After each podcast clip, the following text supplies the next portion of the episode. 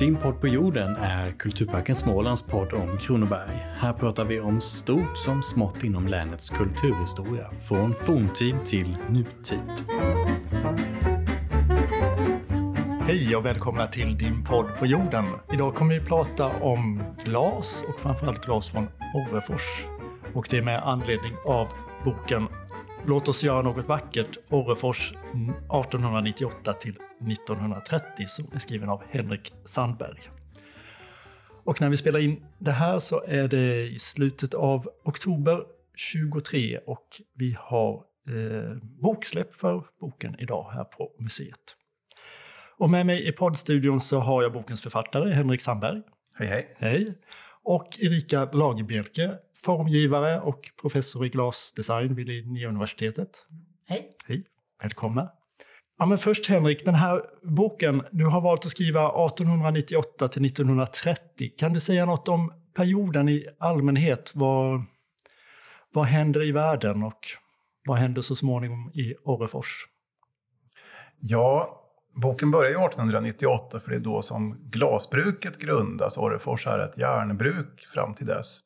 Eh, men eh, utvecklingen tar fart sen när bruket får nya ägare 1913. Och det är ju en ganska orolig tid i världen med första världskriget på gång. Det är eh, konflikter på arbetsmarknaden, det är, är lågkonjunktur. Och det är en, en modig tid att satsa på glasbruk i, kan man tycka. Vad tycker du skiljer sig i den boken som du har skrivit kanske mot eh, vad som är skrivet om Orrefors förut? Det har ju skrivits många böcker, många bra böcker om Orrefors tidigare, där, där fokus framför allt är glaset och glasets utveckling. Det jag har velat titta mycket på också är hur, hur blev det möjligt? Hur kom det sig att eh, man från att vara ett litet bruk i den småländska skogen, ett bland många sådana bruk där man blåste ölflaskor, eh, eh, bläckflaskor, medicinburkar och så, eh, plötsligt gick till att på bara 10-12 år bli ett internationellt aktat konstglasbruk med stora framgångar på världsutställningen i Paris 1925. Hur, hur många i Orrefors hade ens tänkt tanken att vårt glas ska till Paris 12 år tidigare? Hur, hur gick det till? Hur blev det möjligt? Det har jag velat titta på. Och det handlar ju mycket om människorna då som eh, kom dit från olika håll och med olika bakgrund och i olika roller. Och hur de tillsammans gjorde det möjligt. Erika, du har läst boken och du har också varit till viss del behjälplig, Henrik, i arbetet. Vad, hur tänker du kring boken och den här perioden? Jag tycker det är en väldigt, väldigt spännande period och mitt lilla bidrag är verkligen ytterst blygsamt. Ett samtal som vi har haft som var hemskt trevligt om, om eh, lite mina perspektiv på Orrefors och så. Men allt eh, ära och glans över Henrik för det här fantastiska materialet. Eh, men jag är väldigt intresserad av den här perioden för att just det som, som Henrik beskriver, alltså hur blev det möjligt överhuvudtaget? Och då får man ju tänka in hur det såg ut, precis som ni berörde nyss också med oroligheter i världen och, och hur det såg ut. Och dessutom att det var ju, låg ju så långt från alla de stora kommunikationscentra som fanns. En, ett litet samhälle långt ut i skogen. Eh, järnvägen spelar ju naturligtvis en enorm roll för att information och varor och produkter ut och in. Men det är också alla de här människorna som kommer dit, som samlas och som tillsammans på något sätt lyckas eh, åstadkomma någonting som man inte har sett förut. Och det är ju jättespännande. För det är de här brytpunkterna, de är, de är jag nyfiken på. Det är jag alltid nyfiken på. Om man ska säga någonting med de avståndet så i början har de inte ens telefon i Orrefors utan det tar några år. Och då eh, för att få dit då telefonlinjen så tecknar bruket onödigt många abonnemang för att eh, det ska bli ekonomiskt intressant att, att eh, dra dit kabel och få en egen telefonväxel. Det, det säger lite om hur, hur långt bort det var. Och du introducerar tidigt i din bok Albert Alin som är disponent och som kommer till Orrefors 1913. Vill du berätta vem han var och hur han hamnade i Orrefors? Och vad betyder han för den här berättelsen som du sedan rullar upp? Ja, Albert Alin, han var slussmästarson från Dalsland egentligen. Eh, och eh, jobbade inom Ekman-sfären. Familjen Ekman som var en av de stora industrifamiljerna, finansfamiljerna i början av seklet. Eh, med väldigt många bruk runt om i Sverige. Det var ju de som, som förvärvade Orrefors. Framförallt för att komma åt skogs eh, egendomen som var väldigt, väldigt stor. Och den tänkte de då koka ner till papper i Edsbruk uppe på, vid, vid gränsen mot Östergötland. Och Albert Alin var disponent vid Ed och fick åka ner och titta på, på Orrefors. Och han var väl också en, en eh, eh trainee hade han varit kan man säga. Att han var ganska handplockad i Ekmangruppen. Att, att en ny stjärna som hade lotsats fram mellan olika tjänster. Så att eh, han var betrodd, han fanns i närheten och fick uppdraget att åka och titta på Orrefors. Och han blev eh, snabbt biten mer av, av glaset än av skogen. Och eh, först ekonomiskt bara. Kan, är det här någonting att satsa på? Om man gjorde flera utredningar inför köpet. Om, om glaset var det en belastning som man trodde först? Nej, det var kanske okej. Okay.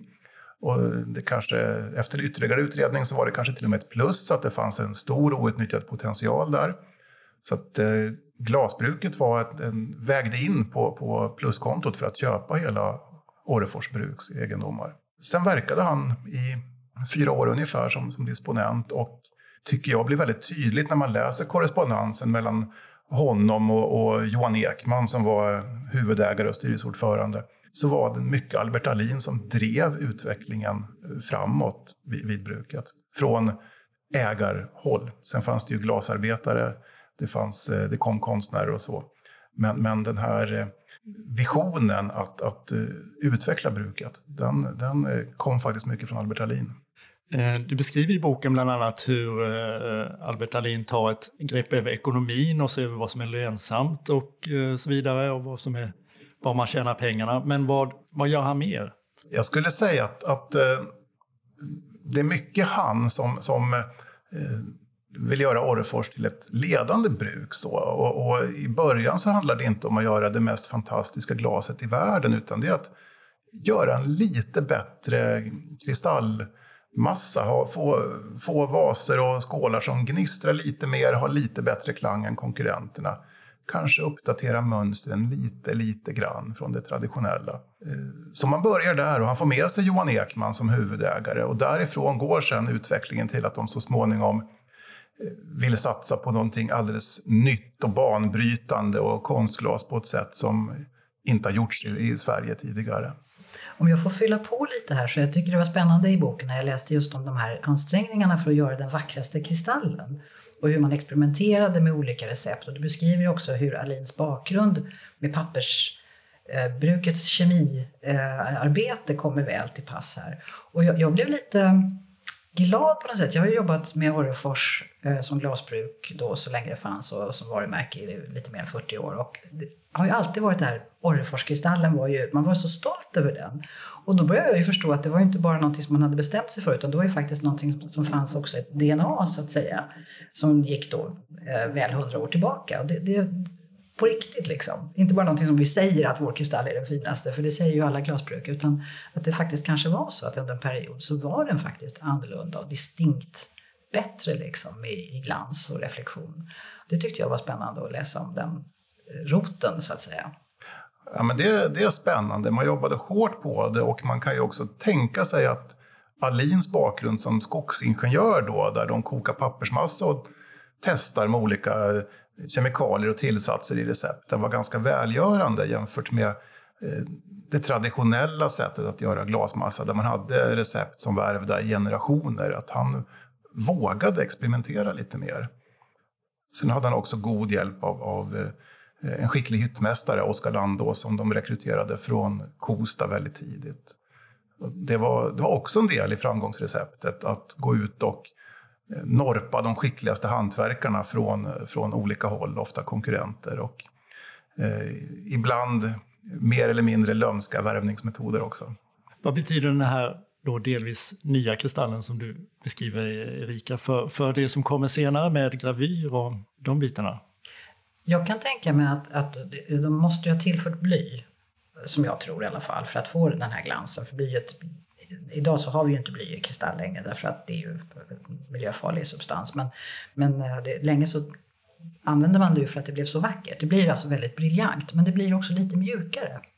Och det tror jag var väldigt gynnsamt när man skulle både slipa och gravera. Alltså att det var lättare att avverka material som är det man gör både med gravyr och med slipning. Så jag misstänker att det kan ha Eh, bidragit lite grann till att det kändes liksom lite lättare att göra. Sen blir ju produkten också tyngre och det tycker jag också om i boken att du beskriver arbetssituationen för gravörerna, att det var tungt. Man kunde tycka att de här lätta mönstren skulle Alltså man ser inte liksom riktigt tyngden i, i arbetsprocessen men du beskriver ju den, hur man sitter och håller upp glaspjäsen mot gravyrskivan. Det var ganska tuffa förhållanden så. De satt ju vid bänkar med som små ärtpåsar under armbågarna egentligen som enda lyxvara. Så. Och slipade, de satt framför fönster och slipade i, och graverade i dagsljus dag ut och dag in. Jag tycker att det här gravyravsnittet är så intressant därför att eh, Gravyr, precis som du beskriver, hade ju funnits sedan medeltiden minst eh, och, och beror på vad man menar med gravyr och har ju gått lite upp och ner i hur välgjort det har varit, hur elegant det har gjort, varit gjort. Det finns ju en slags 1700-talstradition också i gravyr i Sverige från, i Sverige från 1700-talet. Men också där eh, som ju då är i förfall på något vis och som tas upp igen under en relativt kort period egentligen. Är det, ju. Och det, det var jag i efterhand har jag ju läst på om det här, men då när jag kom till Orrefors så tyckte jag bara att gravyren var så otroligt mossig och gammaldags. I själva verket så var den ju inte riktigt det, utan det var ju någonting som man inte hade så lång tid på sig i alla fall i just det sammanhanget. Så jag tyckte det var väldigt roligt att få den kontexten liksom till, till gravyren som konstform. Det tycker jag är väldigt fint att du har lyft. Ja, det, det, är roligt att se också hur, hur det hänger ihop så, de här olika teknikerna. För att när Orrefors tog steget från eh, en lite bättre kristall som ambitionsnivå till att verkligen vilja göra någonting eget och göra eh, konstglas och slå världen med häpnad. Då börjar man ju med, med graltekniken som Knut Bergqvist utvecklade. Eh, och ska vi säga någonting om graltekniken kanske, vad, vad det är? tycker jag, hur mycket som helst. ska jag? Eh, om vad gral är? Ja, det är ju ett sätt att, att, föra in en bild eller ett mönster inne i glasbiten eller i glasmassan kan man säga. Och eh, jag tror du kan beskriva uppfinningen på ett väldigt bra sätt i det hela. Men, men just det det är, är ju att man, man har glas i flera skikt och så bearbetar man det i flera steg.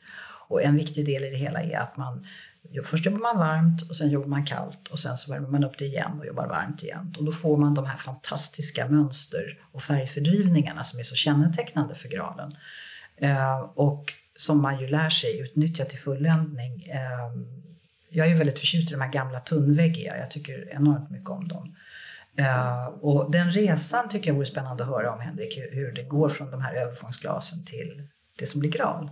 Ja, det, det rådande modet var ju överfångsglas och då har man eh, glas i flera skikt i olika färg och eh, slipar sig fram till ett mönster i, i den färdiga pjäsen kan man säga. Och, och nu, nu befinner vi oss ungefär 1900... Nej, vi får, ja, Nej. förra sekelskiftet då, lite ja. tidigare än så kanske. Med Frankrike som den stora Frankrike var ju de ledande där och i Sverige gjorde Kosta och Reijmyre överfångsglas och, och inte på samma nivå som Frankrike kan man säga. Och eh, Orrefors när man ville hitta någonting nytt, man, man, eh, Knut Bergqvist experimenterade oerhört mycket med att, att eh, hur ska vi få in mönstret i glaset. Man kallade gralen trollglas i början för att ingen förstod riktigt hur man lyckades få mönster innanför det yttersta laget av, av klarglas. Och eh, det, det eh,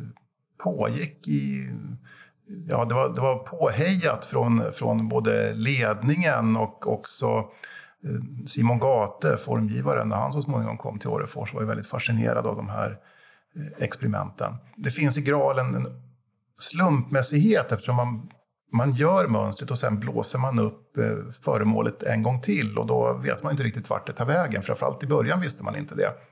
Och den här slumpmässigheten ger ju en, en spänning i föremålet, så en, en, en oförutsägbarhet. Eh, och, och, eh, man var oerhört stolt när man fick fram de här bitarna. och den här tekniken. Och, och i allra första början är de kanske egentligen inte så jättespännande. Det är mer att det är, en, det är tekniken i sig som är spännande. Men man lär sig ganska fort att, att bemästra mönstren och, och slumpmässigheten. Och jag tror att det var lite den framgången som gjorde att man vågade ge sig på till exempel gravyren. Att, eh, det förekom enkel gravyr med, med monogram och adelssköldar och så på vinserviser till exempel. Och jag tror att konstnärerna ramlade lite över det där. Att vad har vi här? Ja, men det är också en teknik. Vad kan vi göra för kul av den?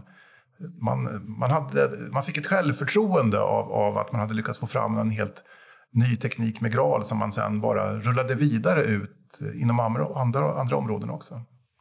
Jag tror också att det spelar in, precis som du skriver i boken, att, att eh, Hald och de var ju målare, bildkonstnärer. Och eh, såg kanske möjligheten just med gravyren att, att föra över sin bildkom- eller använda sin bildkompetens eh, genom att skapa de här eh, vad ska man säga, berättelserna som de ju gör.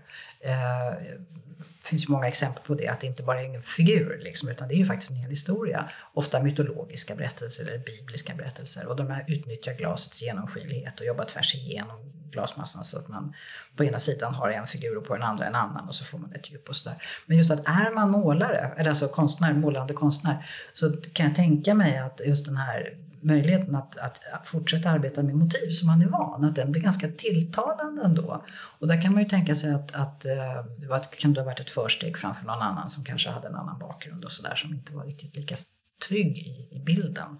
Och det var ju också i det graverade glaset som Simon Gato och Edvard Hald verkligen skilde sig åt motivmässigt. Tittar man på eh, andra tekniker, graltekniken eller slipade mönster eller den vackrare vardagsvaran i enklare glas från, från Sandvik eh, så är de eh, från ganska lika till i princip identiska. Men just eh, gravyren där de kan måla motiv på ett annat sätt, där har de helt olika formspråk plötsligt.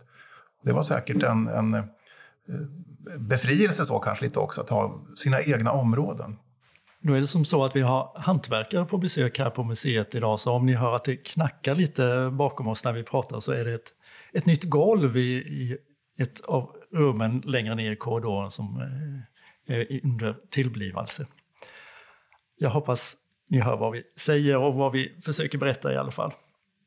Ja, du har nämnt Simon Gate och Edvard Hald som ju knyts till Orrefors mitten av 1910-talet. Ja, men om vi flyttar fram oss här och på väg mot den här stora Parisutställningen 1925. Är det några nedslag i utställningsväg och händelser som eh, är värda att nämna? Ja, verksamheten, eller produktlanseringarna var ju väldigt utställningsdrivna på den tiden. Det fanns inte tv och eh, det fanns förstås inte internet, det fanns inte reklam på samma sätt. Så att eh, det man gjorde för att bli känd var ju att, att eh, eh ställa ut eh, på Liljevalchs ibland och, och kanske framförallt på NK i början dit man hade eh, starka band genom personkopplingar i släkten men, men också att NK var det ledande, eh, den ledande kanalen för mer exklusivt konsthantverk. Eh, men sen kom eh, Eh, till exempel Hemutställningen 1917 som var en viktig utställning både i Sverige i stort men, men också för Orrefors. Mm. Hemutställningen tycker jag är väldigt spännande därför att den, den handlar ju om att, att Svenska slöjdföreningen vill göra en utställning där man vill visa upp produkter som lämpar sig för gemene man så att säga. Eh, jag tror till och med att man pratade om arbetaren som grupp, vilket man kanske inte skulle göra idag. Men, men, eh, och man, man menade ju det att en, god design skulle göra ge människor ett bättre liv. Det är därför man pratar om den vackrare vardagsvaran. Och där finns ju en fostrande eh, del i det här som, som man idag kanske häpnar lite grann över, men som var viktig i den dåtida debatten. Och Svenska slöjdföreningen som sen blev Svensk Form var ju väldigt drev ju den här eh, design eller debatten och designutvecklingsdebatten väldigt hårt. Och man tog fram då möbler, möblemang, så, och det skulle, man menade då att det skulle vara snyggt och prydligt och inte så överlastat eh, och, och kanske också produkter med tvivelaktig nytta som ju var det, någon slags rådande mode i kölvattnet efter 1800-talet. Då. Eh, och då är ju glas är också viktigt och porslin är också viktigt, Gustavsberg och Rörstrand såklart. Och alla glasbruken var ju med. Och då ville man göra någonting som kändes vardagsbetonat och utan för mycket dekor. Och det skulle helst inte vara slipat heller. Man var oerhört påverkade av, av den engelska Arts and Crafts-rörelsen med William Morris och, och, John Ruskin och i kölvattnet efter den stora Crystal Palace-utställningen 1851. Men, men eh, det dröjde lite innan det kom till Sverige då. Och nu, ehm, då, då gjorde Gate och Hald en del väldigt fina, mycket bearbetade egentligen hantverksmässigt eh, produkter som kanske inte blev riktigt så lätta att sprida till gemene man som man hade hoppats för att de kostade ju en slant. Och var kanske inte heller så lätta för alla att förstå sig på om man inte hade så att säga en eh, skolad eh, estetisk smak. Eh, så att, och det vet man ju också att den utställningen var en eh, stor besökssuccé. Det kom jättemycket folk. Eh, men inte riktigt den målgrupp man hade tänkt sig utan en mer borgerlig målgrupp då. Men det var ett genombrott för många företag inom konstindustrin och bland annat eh, Orrefors fick en viktig skjuts framåt genom den utställningen. Det här följdes upp eh, in på, på 20-talet med, med eh, olika utställningar och, och en milstolpe var Göteborgsutställningen 1923 som var en enormt stor industriutställning och där Orrefors hade eh, en egen paviljong och också via sina goda förbindelser med Svenska slöjdföreningen kanske hade en lite bättre placering än många andra och, och, och eh, bättre guidning och så. Och där eh, visade man eh, både enklare vardagsglas men också exklusiva graverade pjäser. Och det var lite generalrepetition inför världsutställningen i Paris två år senare. Och när det gäller Göteborgsutställningen 1923 så vet jag att vi har en gemensam favorit, Slottsglasen. Precis. Mm. Som är ju ett väldigt fint exempel på ett fantastiskt hantverkskunnande. Helt och hållet gjorda i hyttan, inget efterbearbetning alls, inga tillägg av några bilder eller någonting, utan fantastiskt formspråk, fantastiskt hantverk. Någonting som, jag, jag vänder mig ofta emot när man säger att så skulle man inte kunna göra idag, men dristar mig till att utmana och säga att jag är tveksam till om det går att kopiera just idag. I alla fall inte utan avsevärd träning. Det, och jag har en själv. De hade ju inte bara duktiga hyttmästare och tjänstemän och formgivare utan de hade ju också glasarbetare i absoluta toppklass. Och på, på glasblåsarsidan var det ju de två mästarna Knut och Gustav Bergqvist eh, som var eh, oöverträffade. Och Slottsglasen var ju Knut Bergqvist som, som blåste. Och de flesta är formgivna av Simon Gate som förmodligen stod och hängde över hans axel i, i, i hyttan. De jobbade rätt mycket så. Och vid den här tiden då eh, beskriver du i din bok, eh, Henrik, att det är, eh, det är gravyren och det är gralglaset och det är det här mer vardagsglaset eh, som du var inne på, Erika, från Sandvik som är de tre benen på Orrefors. Är det korrekt beskrivet ungefär? Eller? Ja och nej. Eh, de hade vissa av de här områdena, Sandvik till exempel, och det graverade var ju viktiga ekonomiskt. Gralglasen var mer nog viktiga som en, en nyhet som, som sen kanske inte sålde så bra. Men vid sidan av den här bärande konstglasproduktionen så hade man ju en, en eh, masstillverkning med, med mycket, väldigt mycket slipat glas. Eh, både eh, skålar och vaser och så med, med, traditionella mönster, men också hushållsglas då till, till kök, till apotek, eh, mjölkflaskor och, och så vidare. Och, och, så var det ju långt fram i tiden för Orrefors att den här bulken så att säga stod för, för mycket av omsättningen. Man hade ju också fram till 1917-18 fönsterglastillverkning. Helt manuell fönsterglastillverkning. Och det, den blev helt utkonkurrerad sen av, av europeiska bruk som tillverkade fönsterglas maskinellt. Man har konstnärliga framgångar, men tjänar bruket några pengar under den här perioden? Bruket tjänar pengar under den här perioden. Eh, sen kan man vända och vrida på det där från, från olika håll. Det var ju Eh, Eh, inte bara glaset utan det var ju skogsbruket. Det fanns ett omfattande jordbruk. Eh, det, var, det hyrdes ut, arrenderades ut, både gårdar och, och stugor.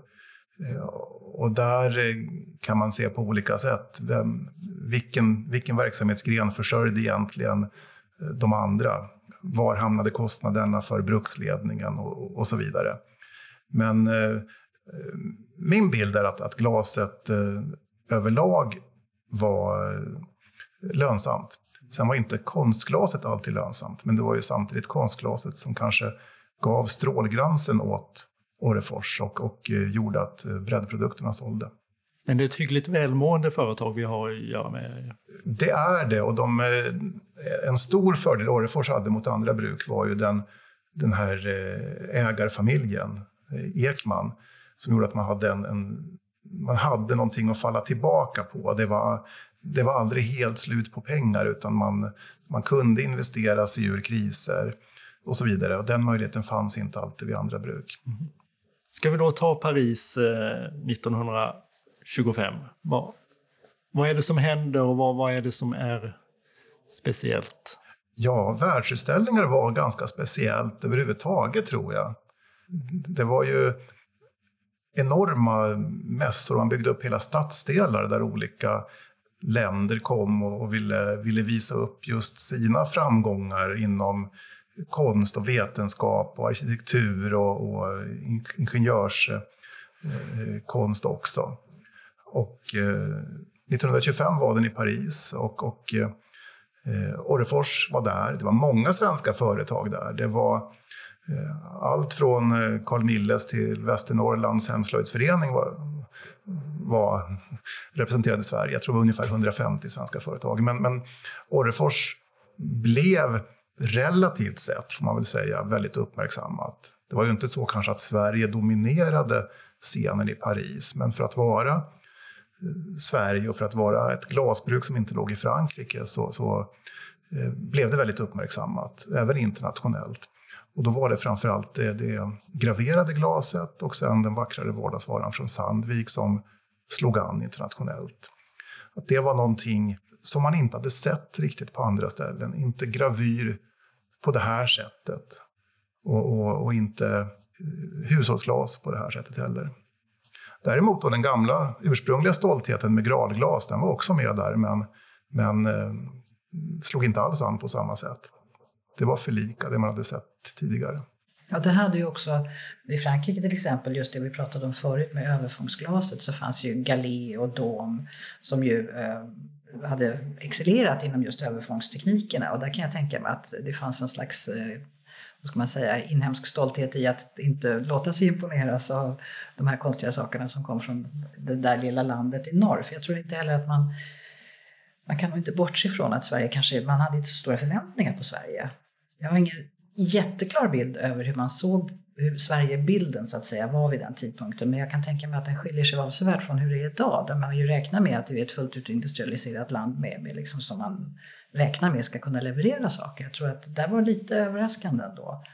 Att det, man hade inte sett så mycket som du beskriver och Orrefors var ju rätt så nytt eh, på den internationella scenen. Så jag tror att en del av, en del av det hela var nog, tror jag, en överraskningseffekt.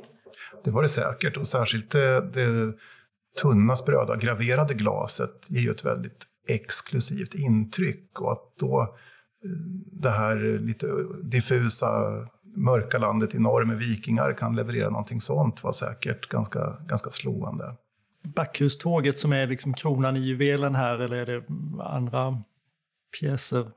På Parisutställningen var det framförallt Parispokalen eh, som var en eh, stor, den jag tror den är 85 centimeter hög. En, en pokal ritad av Simon Gate som gavs i gåva från Stockholms stad till Paris ett par år tidigare. Den plockade man fram och hade som huvudnummer.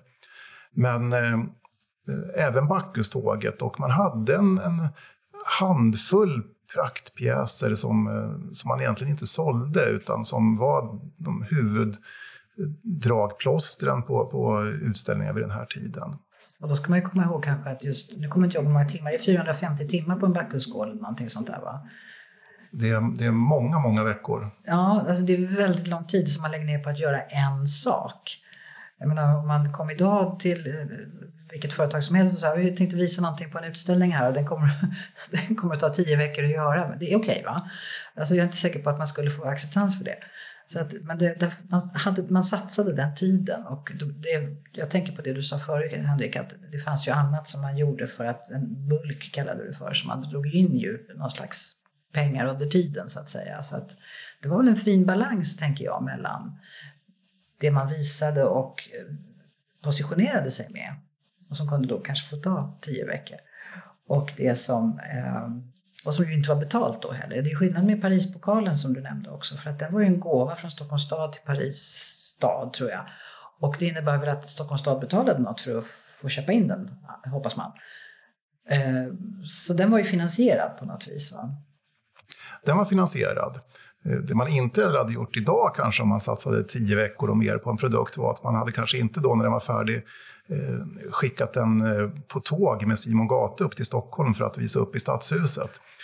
Speciellt inte om man då vet att Simon Gate såg nog alla, alla resor utanför bygränsen som en möjlighet till fest och då är det kanske inte en 85 cm hög glaspokal man ska ha med sig. Det var ett stickspår.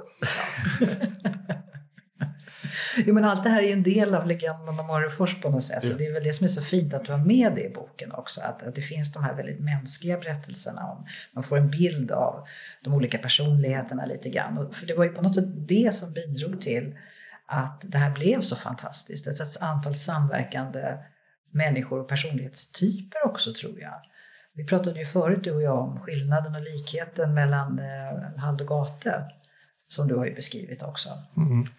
Det var, eh, de var ju båda konstnärer och båda utbildade målande konstnärer. Men där, där Hald hade en bakgrund med även, eh, även eh, ekonomisk utbildning, handelsutbildning och han blev senare även disponent vid Orrefors. Han var välstrukturerad och ordningsam och så, medan Gate var mer spontan kan man säga, utlevande.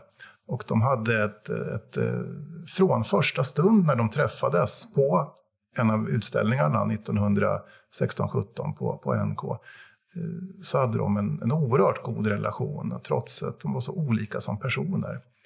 Och de var ju båda fantastiska ambassadörer för Orrefors. Och eh, när det gäller Parisutställningen så var, var Simon Gate där. Och eh, eh jag har hört historier om hur han var mer på nattklubbar och barer än han var tillgänglig i utställningslokalerna och att det, det föranledde vissa synpunkter från bruksledningen. Men, men eh, det gick ju bra ändå. Det som är lite intressant med, med Paris är också att eh, det delades ut eh, priser, Grand Prix och guldmedaljer och så. Och eh, Orrefors fick eh, flest priser av, av alla glasbruk faktiskt och, och flest av de svenska företag och föreningar som var där. Nu fick man totalt över 100 medaljer till Sverige, men, mm, vilket ofta glöms bort, men Orrefors fick, fick fem. Och då var det inte bara bruket och konstnärerna som fick, utan även eh, eh, glasblåsarna. Och eh, då inte bara vid, vid Orrefors utan även vid Sandviks glasbruk fick två av, av mästarna guldmedalj. Eh, och Gustav Abels som var den ledande gravören eh, och sliparen fick, fick guldmedalj också. Och det är lite unikt att, att även hantverkarna får sådana priser. Det säger någonting om Orrefors, att, att det var så man arbetade. Ser man början på någon ny stil eller någon ny konstgren som växer fram här eller kommer den först senare? Man har ju efter Paris en ganska bra period på Orrefors när man kan kapitalisera på den, de här framgångarna med de graverade praktpjäserna och man, eh, man trycker ut stora volymer med, med enklare graverade föremål. Olika typer av hedersgåvor och eh, pensions... Eh, 50-års och 60-års eh, föremål och så. Eh, så att eh, andra halvan av 20-talet är kanske kreativt inte så, så högt stående skulle jag säga, men däremot eh, går det väldigt bra för företaget. Nej, men det, det dröjer ju lite innan, innan man gör något nytt så att säga. Vi har ju med det i boken också, vi kanske ska återkomma till det strax. Men, men just det här som, som du beskriver att man når ju en framgång, man, man får ju en efterfrågan då på de här graverade sakerna och det är väl utomordentligt klokt att man, man då använder sig av det och skapar sysselsättning och, och, och omväxt, tillväxt i, i, företaget. Och sen är klart att eh, jag, tror inte ett för, jag tror inget företag kan ha man kan inte vara superkreativ hela tiden och ifrågasätta allt man gjorde igår utan man måste ju liksom låta saker och ting sätta sig också och, och, kanske till och med bli lite trött på sig själv innan man hittar till den här nya möjligheten till ett kreativt genombrott. Man kan inte ha ett kreativt genombrott varje år. Det, det skulle inte jag stå ut med. Jag skulle inte orka med. Nej, och mycket kraft fick ju också gå till att bygga upp den här produktionen och apparaten eh, som behövdes för att få fram de här pjäserna. Eh, och gravörer till exempel var ju ingenting som växte på träd utan Orrefors startade eh, en egen gravörskola där man tog in duktiga elever från bygden till att börja med, och, eller duktiga glasarbetarsöner. Eh, det fanns några kvinnliga gravörer också i slutet på 20-talet, men mest var, var det män. Och man tog också in gravörer från Tyskland och Tjeckien. Men man hade som mest ett 40-tal gravörer i, i fullt arbete och då försörjde man ändå många andra bruk med, med gravörer också. Bruk som, som ville rida på den här framgångsvågen. Så att jag tror man också hade fullt upp med att, att uh, göra industri av, uh, av konsten. Och det här är ju speciellt, alltså det är ju också ett intressant begrepp, konstindustri. Det kan ju inte jämföras med den, den verksamhet som Hald och Gate kom ifrån som målande konstnärer, bildkonstnärer. Att där, där jobbar man ju på ett helt annat sätt. Sen hade ju Gate, som du också beskriver, han hade ju sin, sina erfarenheter från bokomslag och det, det är ju en uppdragsverksamhet som är lite annorlunda. Men just det här med att konstindustrin ju faktiskt är en industri som ska liksom omsätta en viss mängd pengar, förhoppningsvis sysselsätta en viss mängd människor. Har man liksom börjat med att sysselsätta 100 personer i ett samhälle så är det ju bra om man fortsätter att göra det. För att annars så blir det ju svårt för dem. Och där, där blir det också andra krav på konstnärerna som är inblandade, att de ska eh, förse eh, bruket med modeller som är då eh, kommersiella vid sidan av de här kreativa genombrotten. Då. Eh, och det är ju en, det är en viktig, ett viktigt uppdrag som konstindustri formgivare att, att vara delaktig i det. Och sen kräver det ju också att man har en framsynt ledning som, som eh, kan eh, bidra med insikter om vad marknaden vill ha och eh, dela ut uppdrag och sådana saker som de ju verkar ha varit duktiga på. Ja, det finns faktiskt paralleller till, till det som till exempel Ulrika Hydman Wallin beskrev i många intervjuer, hur, hur hon var angelägen om att få fram produktserier som sysselsatte Eh, glasmålarna på Åfors glasbruk för att de skulle ha arbete. Så resonerar man ofta i, i eh, styrelseprotokoll och så på, på Orrefors på 20-talet om att nu behöver vi få fram lite nytt slipat för att vi har överkapacitet eh, i, i slipverkstan och så. Så det, det är hela tiden balansgången mellan kreativitet och hantverk och, och industri. Men det är också den tillverknings de, tillverkningen är, görs av människor så vänder man ju inte den atlantångaren på en femöring så att säga om, om eh, efterfrågan sjunker. Man har ju fortfarande sina medarbetare och då måste man ju ligga lite i framkant med att förse med en kontinuerlig eh, sysselsättning för dem. Så att säga. Det, det, har jag ju också upplevt att, att det, det, är en väldigt viktig del i samtalen. Att, Eh, det här krävs mer av det eller det, precis som du just nämnde med också som Ulrika då, eh, förstå vad det är som kan bli ett behov eh, innan det uppstår helst då. Sen är det ju också på glasarbetarsidan att det, det är ju en form av konstnärskap också runt eh, gravyren till exempel. Om man tittar på de ritningar och skisser som, som finns så, så är det ganska slående att hur, hur många verk där ritningen känns relativt platt så, men där det färdiga föremålet är någonting alldeles fantastiskt. Sen var det säkert också en del i, i, i samarbetet mellan formgivare och gravör, att, att de visste vad de behövde rita för att uttrycka hur det skulle se ut i slutändan. Men, men gravörerna tillförde också ett, ett konstnärligt värde. Man kan också se olika stil mellan olika gravörer på eh, olika exemplar av samma föremål. Men jag tror att du har rätt i det, att, att man som konstnär kan vara väl medveten om att det är en person till som ska vara aktiv i det här. Som en gravör då till exempel. Så därför så ritar man det som behövs, men man kanske också med flit eh, ger ett visst utrymme, tolkningsutrymme för eh, konsthantverkaren, gravören då, att, att tillföra sitt. Eh, eller också är man lite lat bara och, och gör inte mer än man måste som konstnär. Jag vet inte riktigt. Det skulle väl kunna hända. Men jag, skulle vilja ändå, jag vill ändå hellre ha efter eh, den det, korrekta bilden att, att man ger utrymme till andra. Ja, och det finns ju också många ritningar som är konstverk i sig också, måste man säga. Men eh, ett exempel som jag tycker är ganska roligt är eh, den stora skålen Bollspelande flickor av, av Edvard Hald. Eh, som är en av mina absoluta favoriter måste jag säga. Och eh, där, där eh, ritningen eh, inte alls är, är i närheten i intryck mot vad man sen ser på den graverade skålen. Men det kan ju också vara skillnaden mellan att ritningen är på papper och skålen är ju faktiskt i glas, att det är där det lyfter. Ja, men du, du, har ju glasets transparens och sen så har du ju det att det är ett tredimensionellt föremål och det här med genomsiktligheten. Att man, tittar man från ett håll så ser man både den närmaste sidan och den bortre sidan och så ser man ju rundningen också. Så det blir ju någonting väldigt speciellt och glas är ju glas.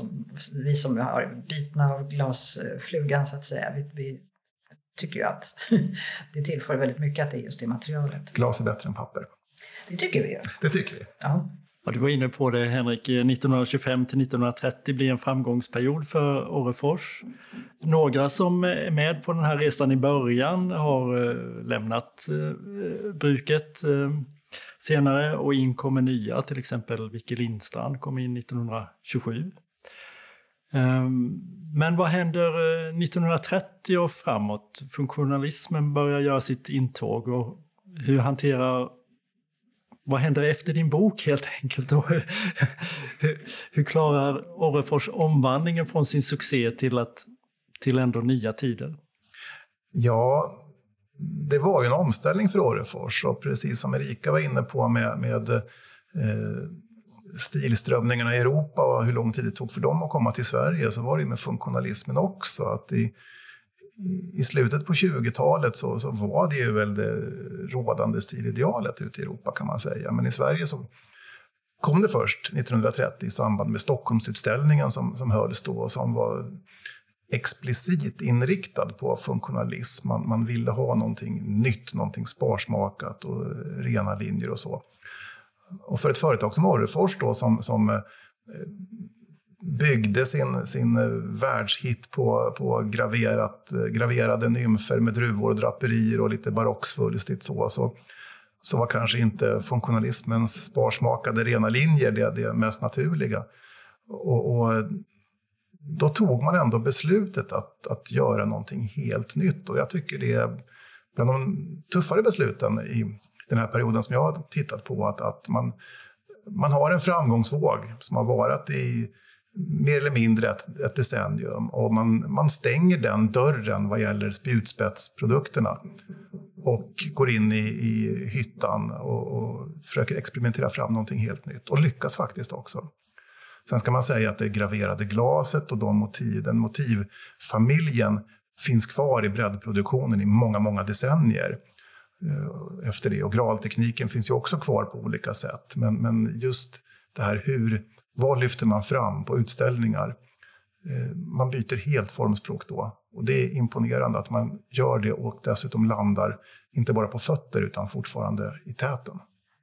Jag tycker det här är, precis som, det här har vi inte pratat om förut egentligen, men jag har ju tänkt det förut i olika sammanhang också, skrivit om det och så, att just när, att man förmår göra detta, att man är, ändå, man är ju inget jätteföretag ändå. Man har ju den här enorma framgången från Paris och de åren som har varit.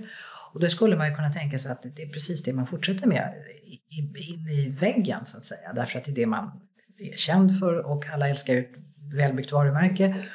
Eh, men man vågar och man ser kanske också nödvändigheten av att, att bryta helt, just därför att den här strömningen var ju så stark. Inte bara, det handlade ju inte bara om Orrefors utan det handlade ju om samhället och det handlade också om den väldigt mäktiga Svenska slöjdföreningen och deras ideal men också vad ska man kalla det för designdebatten eh, och eh, marknadens efterfrågan som, som eh, började gå mot andra håll. Och Funkisutställningen handlade ju väldigt mycket om hygien också ska man inte glömma. Att det var någonting, alltså man skulle, det skulle vara rent och det skulle vara lättstädat och det kom, det kom kylskåp och då började man med kylskåpsglas och det, det, det är så mycket annat som spelar in också. Så det här är ju liksom först Först är det ju, i den första omgången så är det ju någon slags modern människa som handlar då i början på, eller mitten på 1910-talet som ju handlar om någon slags eh, poetiska berättelser som, som eh, det finns en strömning som gör att man, man längtar efter det på något vis. Eh, och de här vackrare vardagsvarorna som ändå ska få större spridning.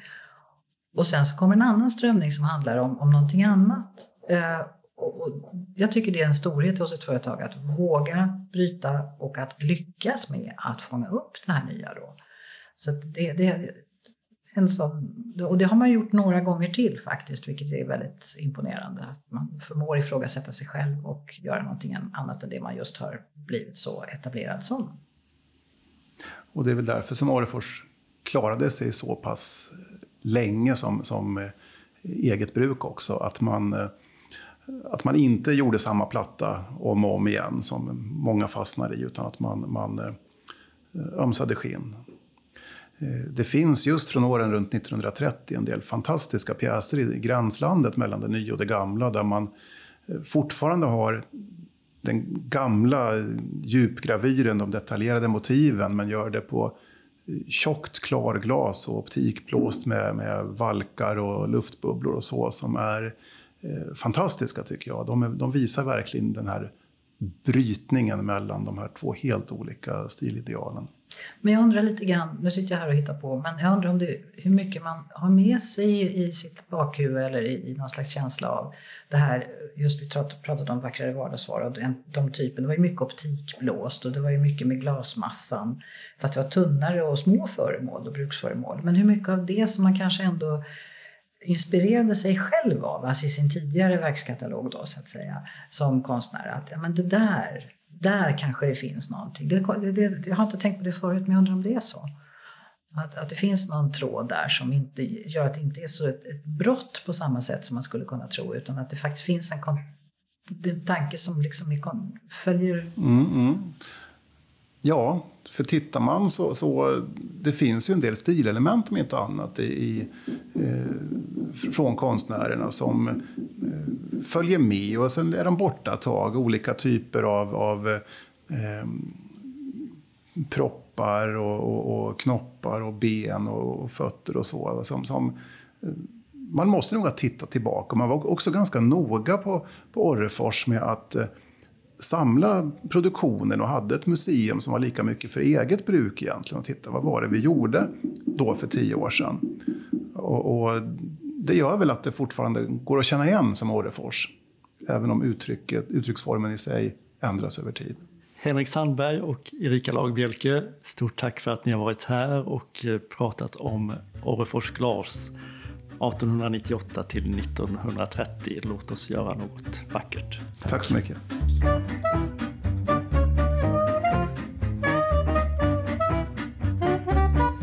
Du har lyssnat på din podd På jorden som spelades in den 23 oktober 2023.